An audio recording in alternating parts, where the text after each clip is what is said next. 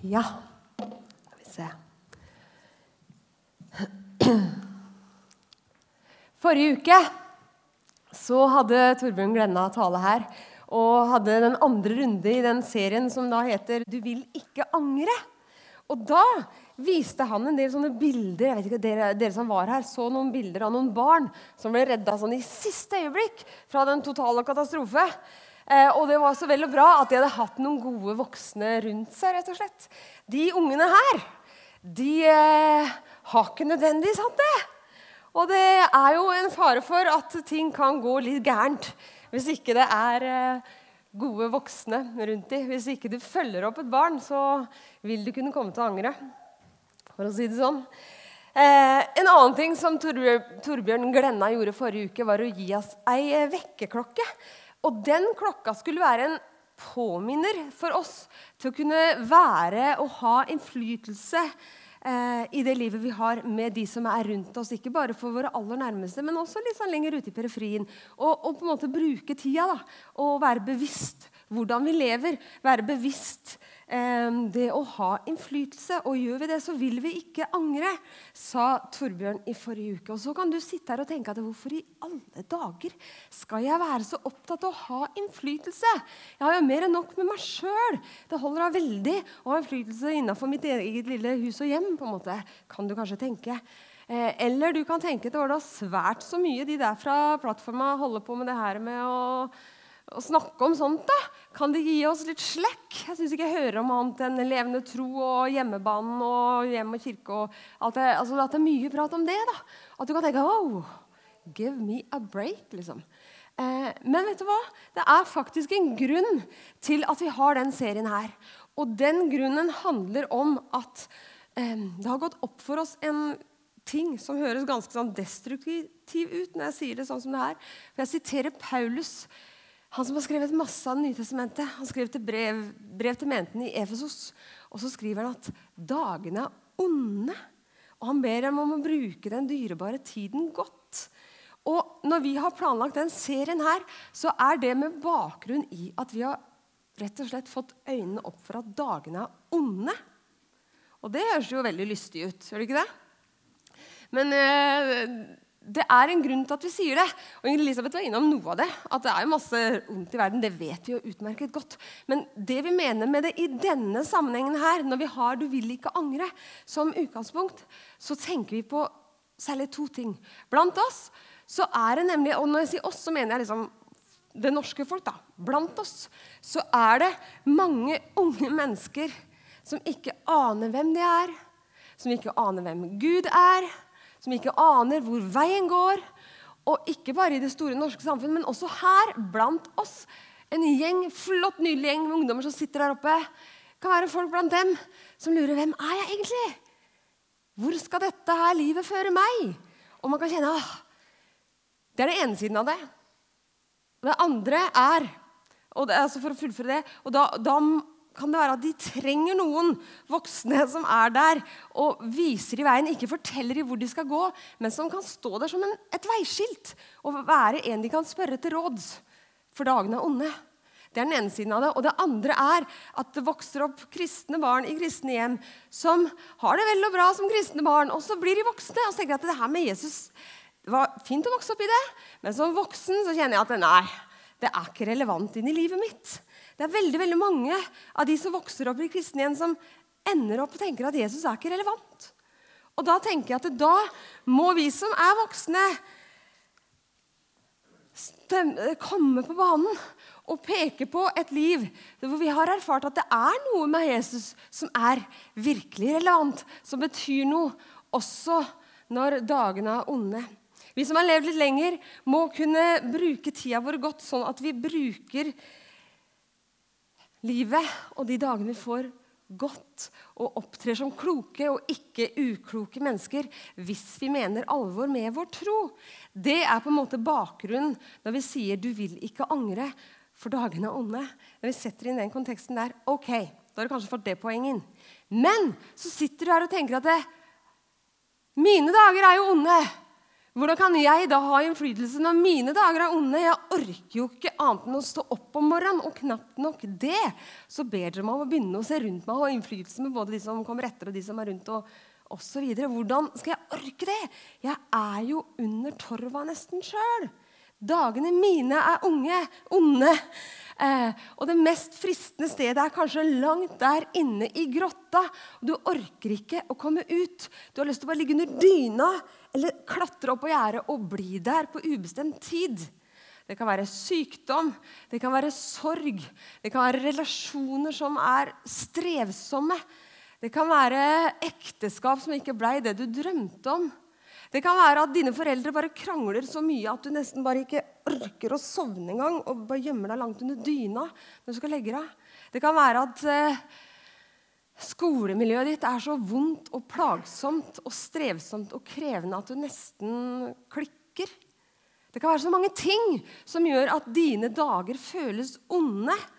Og så føler du at ah, 'Jeg kan ikke gjøre noe mer heller. Jeg må bare være i det.' Hva gjør jeg da, da? når dagene er onde. Da kan det ringe så mange vekkerklokker du bare vil. Og tenker at ah, jeg orker ikke å bry meg. Orker. Så må det sies at det er tider for alt. Det er tid for sorg, det er tid for glede. Det er tid for å bryte ned, og det er tid for å bygge opp. Det er tid for alt. Men så kan jeg liksom stille spørsmål men hvor lenge skal enhver tid vare? på en måte? Skal jeg for alltid sitte i den grotta? For tenk om min situasjon er kronisk, da.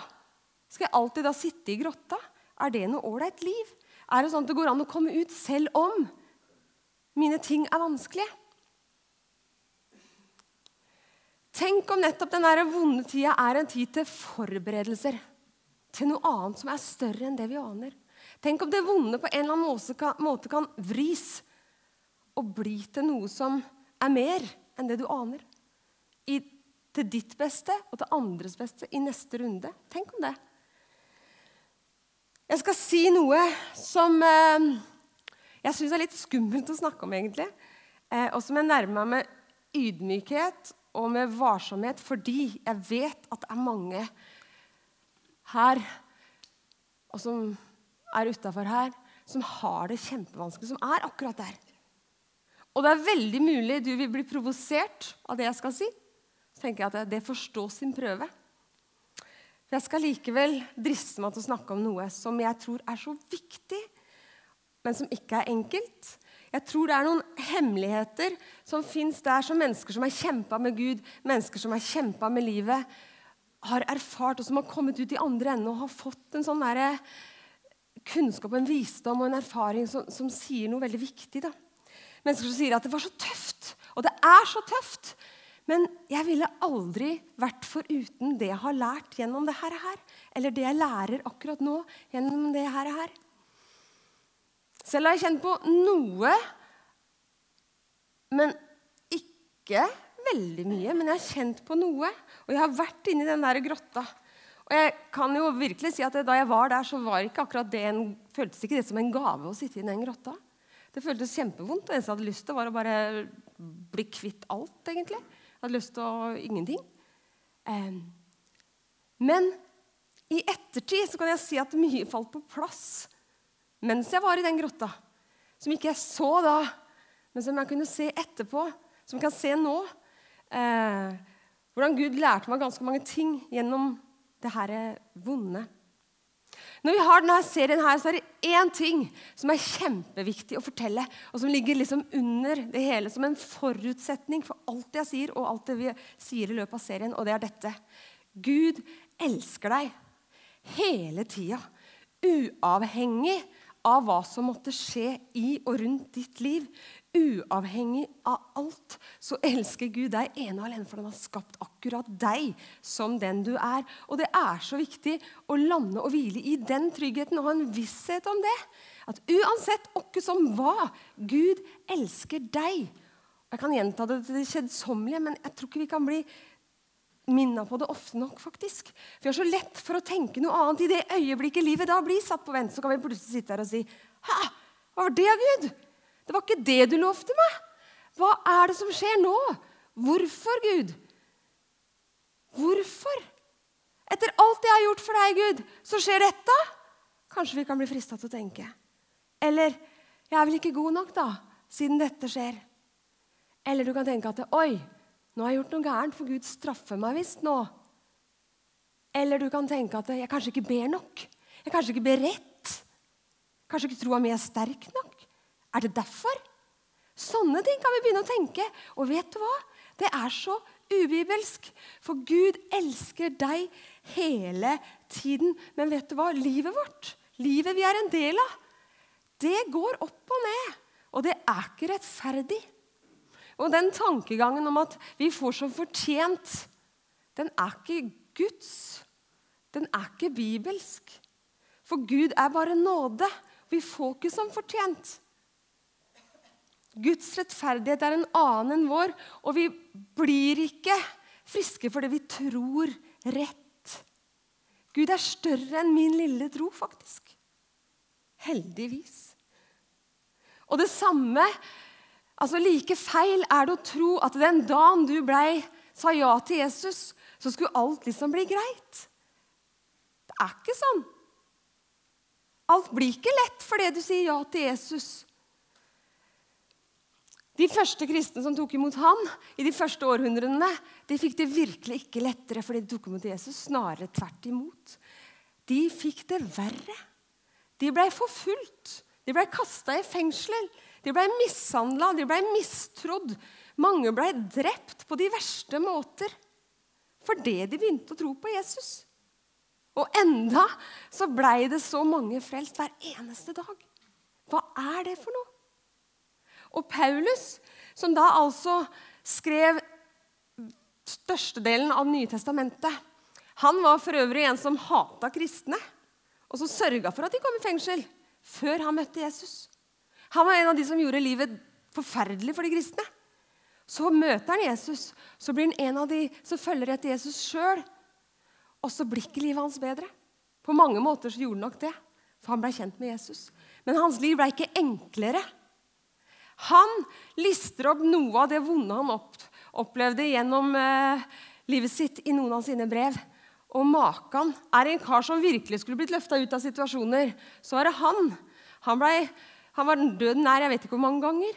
Jeg vet kanskje du, Asbjørn, som kan sånt godt. Eh, han var døden nær mange ganger. Var det en som skulle bli bedt om å bli henta ut av situasjoner og få det lettere, så var det virkelig Paulus. Men han fikk det ikke bedre bestandig. Og da jeg tror jeg ikke at han var en mann med liten tro. Snarere tvert imot, faktisk. Likevel så levde han med noe som plaga han hver eneste dag. Noe han sjøl kaller for å ha en torn i kroppen. Jeg vet ikke om noen av dere har hatt flis. Ja. Det er ganske plagsomt. Men det å ha en torne i kroppen fast, det må være ganske vondt hele tida. Og hva den torna var, det aner jeg ikke. Men Det står ikke konkret heller, men det står at jeg hadde en torn i kroppen. Som han har bedt Gud over tre perioder om å ta bort. Han har bedt Gud fjern den torna fra kroppen min, Gud. Den er til hinder for meg. Jeg er plaga, Gud. Jeg får ikke gjort det jeg ønsker å gjøre, Gud. Kan du ta det bort, Gud? Tre perioder har han hatt, skriver han. Over tre ganger så sier han at han eh, ba om at denne tornen skulle bli tatt bort for ham. Og jeg innbiller meg at han ba ikke sånn som jeg ofte ber. da, og sier, Og forresten, Gud, den der torna hadde du giddet å Jeg tror han faktisk trygla at han ba og var fortvila når han ber over tre perioder sånn. Da er det noe som er viktig for ham. Så får han ikke svar første gangen. Så får han ikke svar andre gangen. Tredje gangen får han faktisk svar. Men jeg tror ikke han fikk det svaret han håpa på å få. Fordi at Gud tok ikke bort den torna. Han gjorde ikke det. I stedet så får han ja, Han fikk et svar. da, Du kan jo tenke jeg får jo ikke svar engang. Eh, men det svaret han fikk, det var dette at Min hjelp er alt du behøver, sier Gud. Min nåde er nok for deg, står i en annen oversettelse. Min hjelp er alt du behøver. Jo svakere du er, jo mer kan min kraft virke i deg, svarer Gud. Da kan vi tenke What? Hva er det for noe, Gud? Det er et vers som du som har vokst opp i menighet og, sånn, og vært kristen lenge, du har hørt det her verset mange ganger, og jeg har hørt det mange ganger. Men så har jeg gått inn i det nå og tenkt Herlighet, Gud. Hva er det for noe? Hva er det for noe du sier her? Min kraft er nok for deg. Min hjelp er alt du behøver. Min nåde er nok. Du skal få kraft. Hva betyr det? Og Det første jeg har lyst til å si, er hva det ikke betyr. For det betyr ikke at Gud er fraværende. Det betyr heller ikke at han vil straffe deg, selv om du føler at torna ikke blir tatt bort. Og det betyr heller ikke at han har slutta å bry seg. For Gud, han er alltid nær, også når du sier at han ikke er der. Når du ikke merker han, så er Gud alltid der. Og selv om du tror, om du så måtte tro at han er sint og har slutta, og, og, at han straffer, og alt det her, så gjør han ikke det. For Gud fordømmer ikke deg så lenge du er i Kristus. Han fordømmer ingen som er i Kristus. Og for det tredje så er hans kjærlighet evig. Han har ikke slutta å bry seg. Han er der hele tida med sin kjærlighet fra evighet til evighet. Hvor lenge det måtte vare. Det er evig. Han er hos deg. Så vet jeg at mange av dere kanskje kan kjenne på det. Men han er jo fraværende. Jeg føler jo han er fraværende. Jeg føler han har slutta å bry seg. Jeg føler at han har Åh. Det kan det godt hende at du sitter og kjenner. Fordi at noe i livet gikk i knas. Fordi at ting ikke ble som du ønska. Og så har det vart så lenge, og du er så sliten. Jeg vil likevel våge meg på denne ville påstanden. Hvis du sitter her og ikke har en kristentro, så har du herved servert på et sølvfat de kristne tror på gærne ting. Sprø ting. Kan hende vi gjør det. Men vet du hva? Jeg tror at det er noen sånne hemmeligheter her som er ganske dyptpløyende, og som jeg tror kan bety massevis hvis vi som tror på Jesus, våger å ta det innover oss. Eh, hvis jeg våger å ta det mer innover meg enn det jeg har gjort per i dag Jeg ønsker å ta det enda mer innover meg ting som jeg tror kan forløse store ting hvis vi orker å la det skje. Hvis vi orker å gå inn i det her på det, det jeg tenker nå. da. Fordi, Tenk om vi så på de her vanskelige tidene som en skatt. Tenk om vi så på det som noe som som sagt kan forberede, no, forberede deg på noe som er større enn det du aner. Tenk om For det vi klarer å på en måte omfavne det vonde på et vis, da, så åpner vi rom for Guds kraft på en ny måte som er større enn det vi kan fatte. Tenk om det er noe der. Gud sa altså nei til Paulus. 'Jeg tar ikke bort det vonde, men jeg vil heller gi deg min kraft.' 'Min nåde er nok for deg', sa Jesus, sa Gud til Paulus. Når du er svak, så blir du sterk. Så er det å snu alt på hodet på en måte. Men så er jo det akkurat det Jesus gjør hele tida når han snakker om Guds rike. Han snur alt på hodet. Han sier at den minste er den største. Han sier at den siste er den første. Og så sier han at når du gir, det er da du får. Og han sier at når du er svak, så blir du sterk. I Guds rike så er alt mulig rart snudd på hodet. Ehm, og Når Paulus får det perspektivet, da, så er det som om noe snur. For plutselig så sier han 'derfor'. Det her syns jeg er ganske sprøtt og ganske sterkt. Og så tenker jeg at det er nesten umulig. Men så går det for Paulus. Han var en vanlig mann. Han sier, 'Fordi jeg er svak, da. Jeg har vondt. Torna stikker. Og derfor' vil jeg heller skryte av min svakhet, for på grunn av den så kan kraften fra Kristus virke i meg. Og så sier han, 'Jeg er glad for å være svak' og avhengig av Gud. Jeg er glad for å lide, for å bli forulempa, for å bli forfulgt, for å, for å gå gjennom vanskeligheter for Kristi skyld. Jeg er glad for det. For når jeg er svak, så er jeg sterk. tenker jeg, wow. For meg så er det høy wow-faktor i det der. Og dere, det å møte eldre kristne som har levd et liv med Jesus, og som har hatt sine runder Det å snakke med de og høre om de og deres vandring da, og erfaring à la sånn som dette, Det er fantastisk. Dere ungdommer, vet du hva? Se etter de gamle. Se etter de, og hør på de. Hør deres fortelling om hva Jesus har vært for dem opp gjennom alle år. Og dere eldre, fortell fortellingen deres til de unge. Fortell dem hvorfor dere sitter her fortsatt. Grå i håret, sliten i kroppen, men sterk i hjertet. Fortell dem hvorfor dere holder fast i Jesus. Fortell dem hvordan Jesus var der den gang da, når det skjedde, og når det skjedde, og ikke minst når det skjedde. Du så det kanskje ikke da, men etterpå Wow! Fortell dem det. Det er derfor vi har menighet. Fordi vi hører sammen. Og Det er derfor vi sier du kan velge å ha innflytelse. Og du vil ikke angre. Fordi du kan komme til å se den flokken der i fyr og flamme for Jesus og for mennesker. Ikke sant? Du kan komme til å se ting som er større enn det du aner. Fordi Gud har så mye mer for oss enn det vi aner.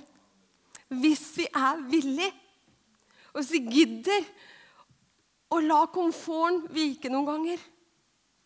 Og så orker å gå ut av grotta og si OK, da. Det gjør vondt. Jeg har en torn i kroppen, Gud.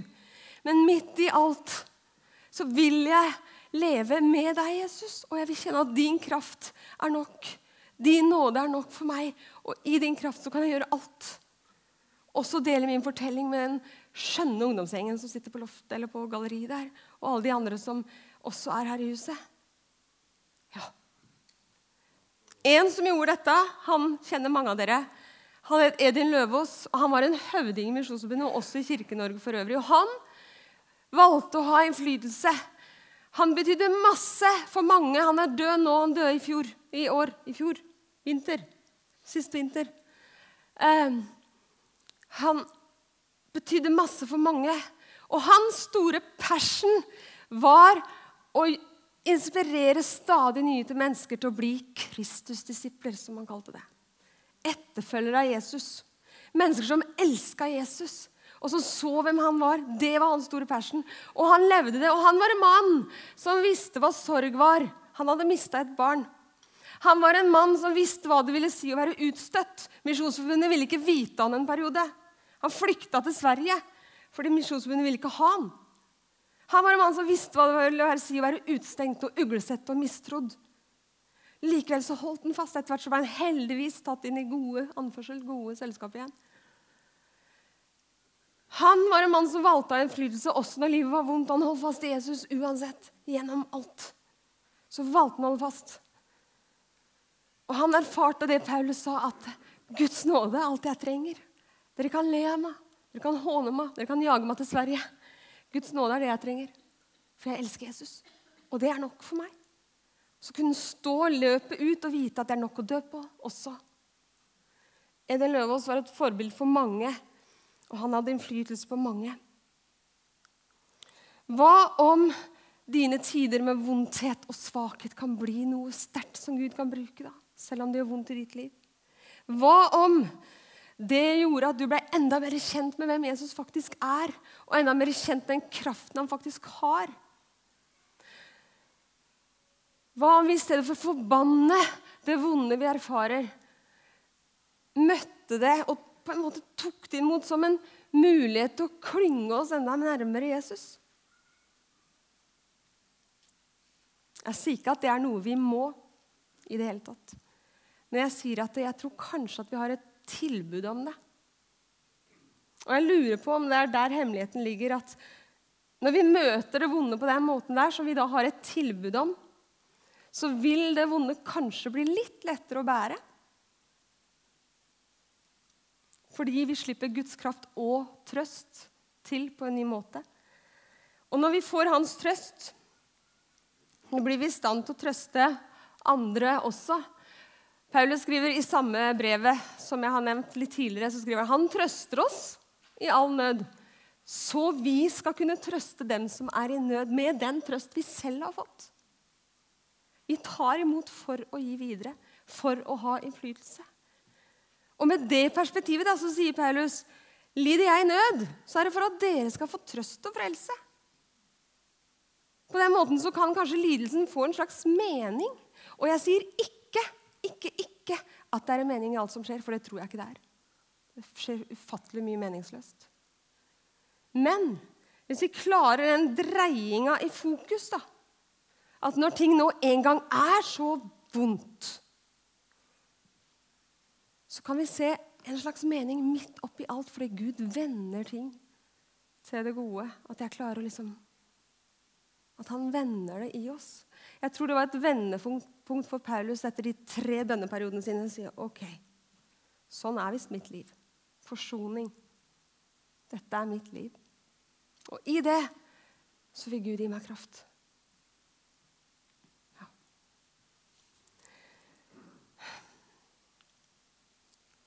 Kan være du kjenner på dette her. Gud er fraværende. Gud vil straffe meg. Han er nok sint og slutta å bry seg. Kanskje du har strevd med sånne type tanker. Men vet du hva? Han er ikke fraværende. Han vil ikke straffe deg. Og han har heller ikke slutta å bry seg. Så fins det en dame her i menigheten som skal komme fram nå. Ingunn Stålem. Hun har erfart det her tinga her. Og ikke bare én gang, men flere ganger. Og i sommer, Ingunn, så var du så heldig å få et nytt barnebarn. Kom litt nærmere. Men, eh, og Det høres ut som en rosenrød historie, men så var det noe som skjedde. Ja. Jeg tenkte bare kanskje at jeg ville eh, si litt før det. Mm. Fordi jeg ble kristen for 33 år siden. Og da ble jeg veldig glad når jeg møtte Jesus. Han kom inn i livet mitt, og jeg endelig hadde funnet meninga med livet. Og ja, der hørte jeg hjemme. Men eh, det som jeg opplevde da, det var akkurat som det har vært snakk om nå, da, at eh, jeg møtte veldig mye motgang. Jeg fikk kreft når jeg gikk gravid, seks måneder på vei. Og holdt på å miste livet mitt og livet til barnet. Og så ble jeg skilt. Ja. Um, så de to første åra av mitt kristenliv de var veldig tøffe. Jeg måtte flytte fra huset vårt. og Så var jeg så heldig da å kunne begynne i en menighet her i byen, på Betel Gjerpen. Da begynte jeg. Og eh, de var veldig snille og hjelpa meg med allting. Og jeg fikk bo i forstanderboligen, for Asbjørn Johansen han var jo pastor der da. De hjelpa meg med flytting og alt. Så jeg møtte veldig mange snille kristne.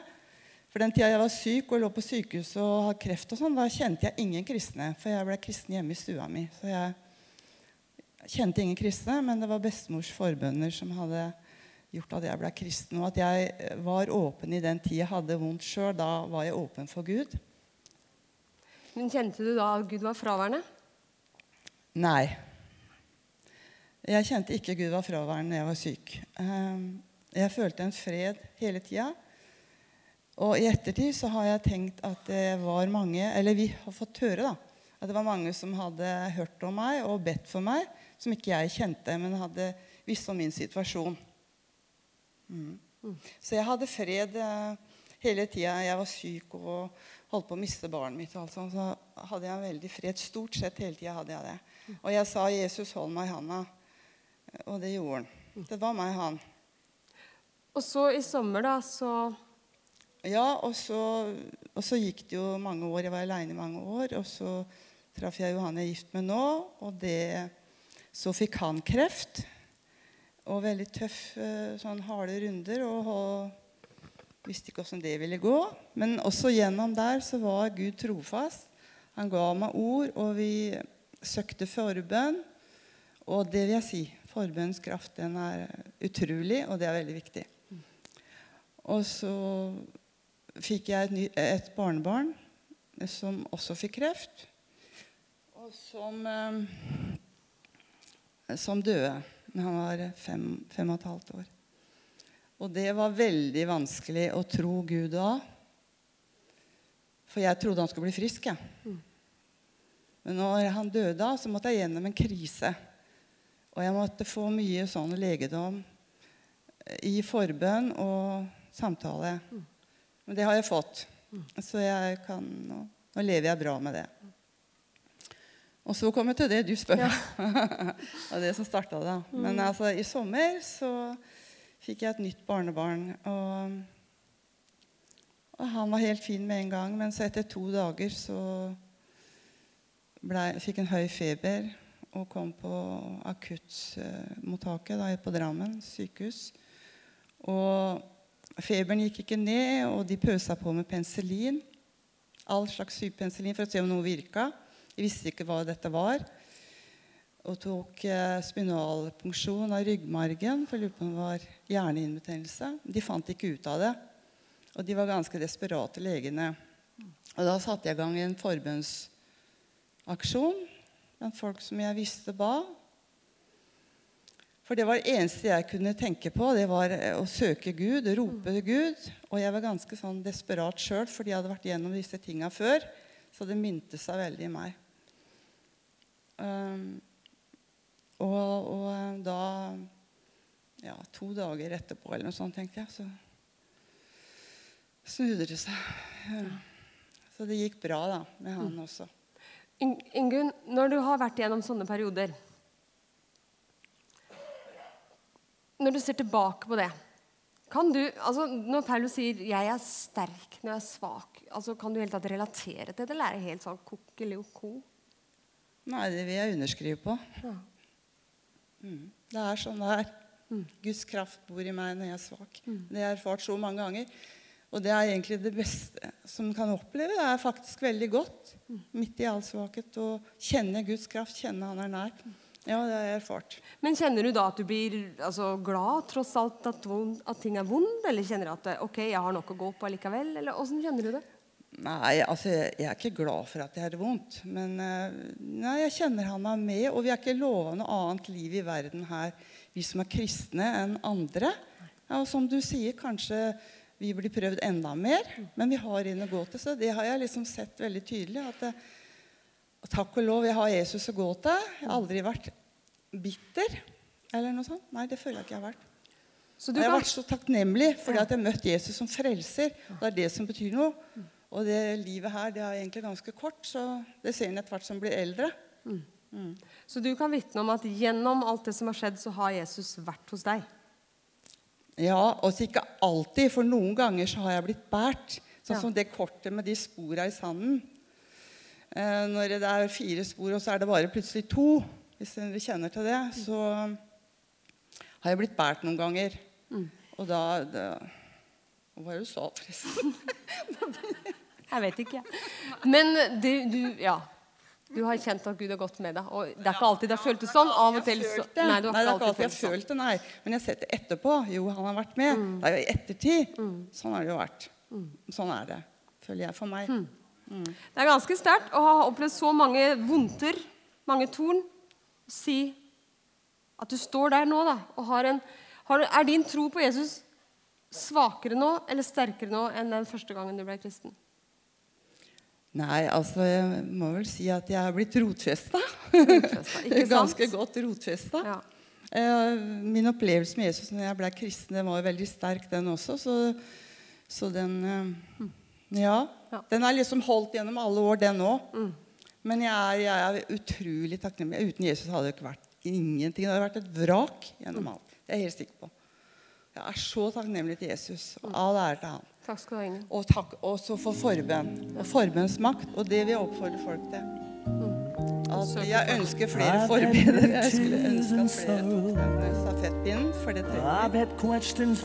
Takk skal du ha, Inge.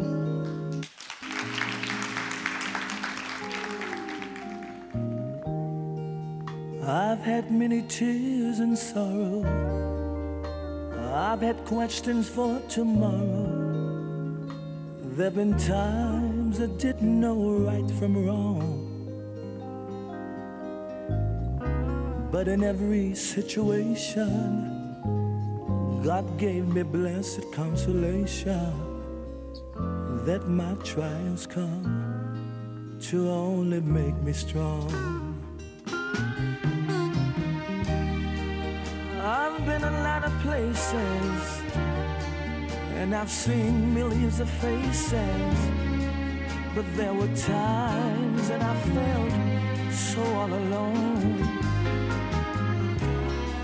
But in my lonely hour, yet those precious lonely hours, Jesus let me know that I was his own. That's the reason I say that through it all,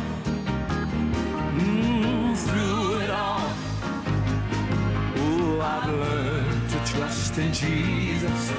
I've learned to trust in God. Let me tell you that through it all, oh, through it all, I've learned to depend upon His word. So I thank God for the mountains, and I thank Him for the valleys, and I thank Him for the storms He's brought me through. Oh, if I'd never had a problem, I'd never know that God could solve them. I'd never know what faith in His Word could do. That's the reason I say that through it all. Mm, through it all. Oh, I've learned to trust in Jesus. I've learned to trust in God. Let me tell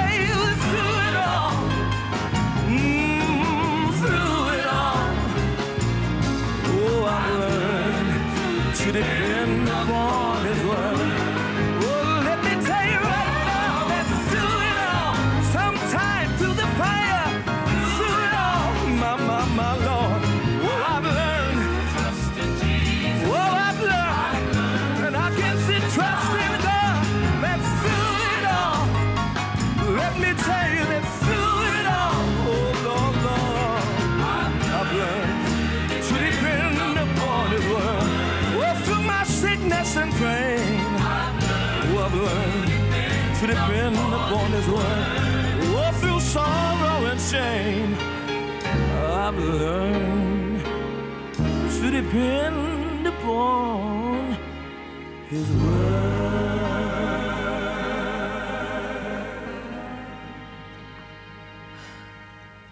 Gjennom alt, sang Andrew Crouch.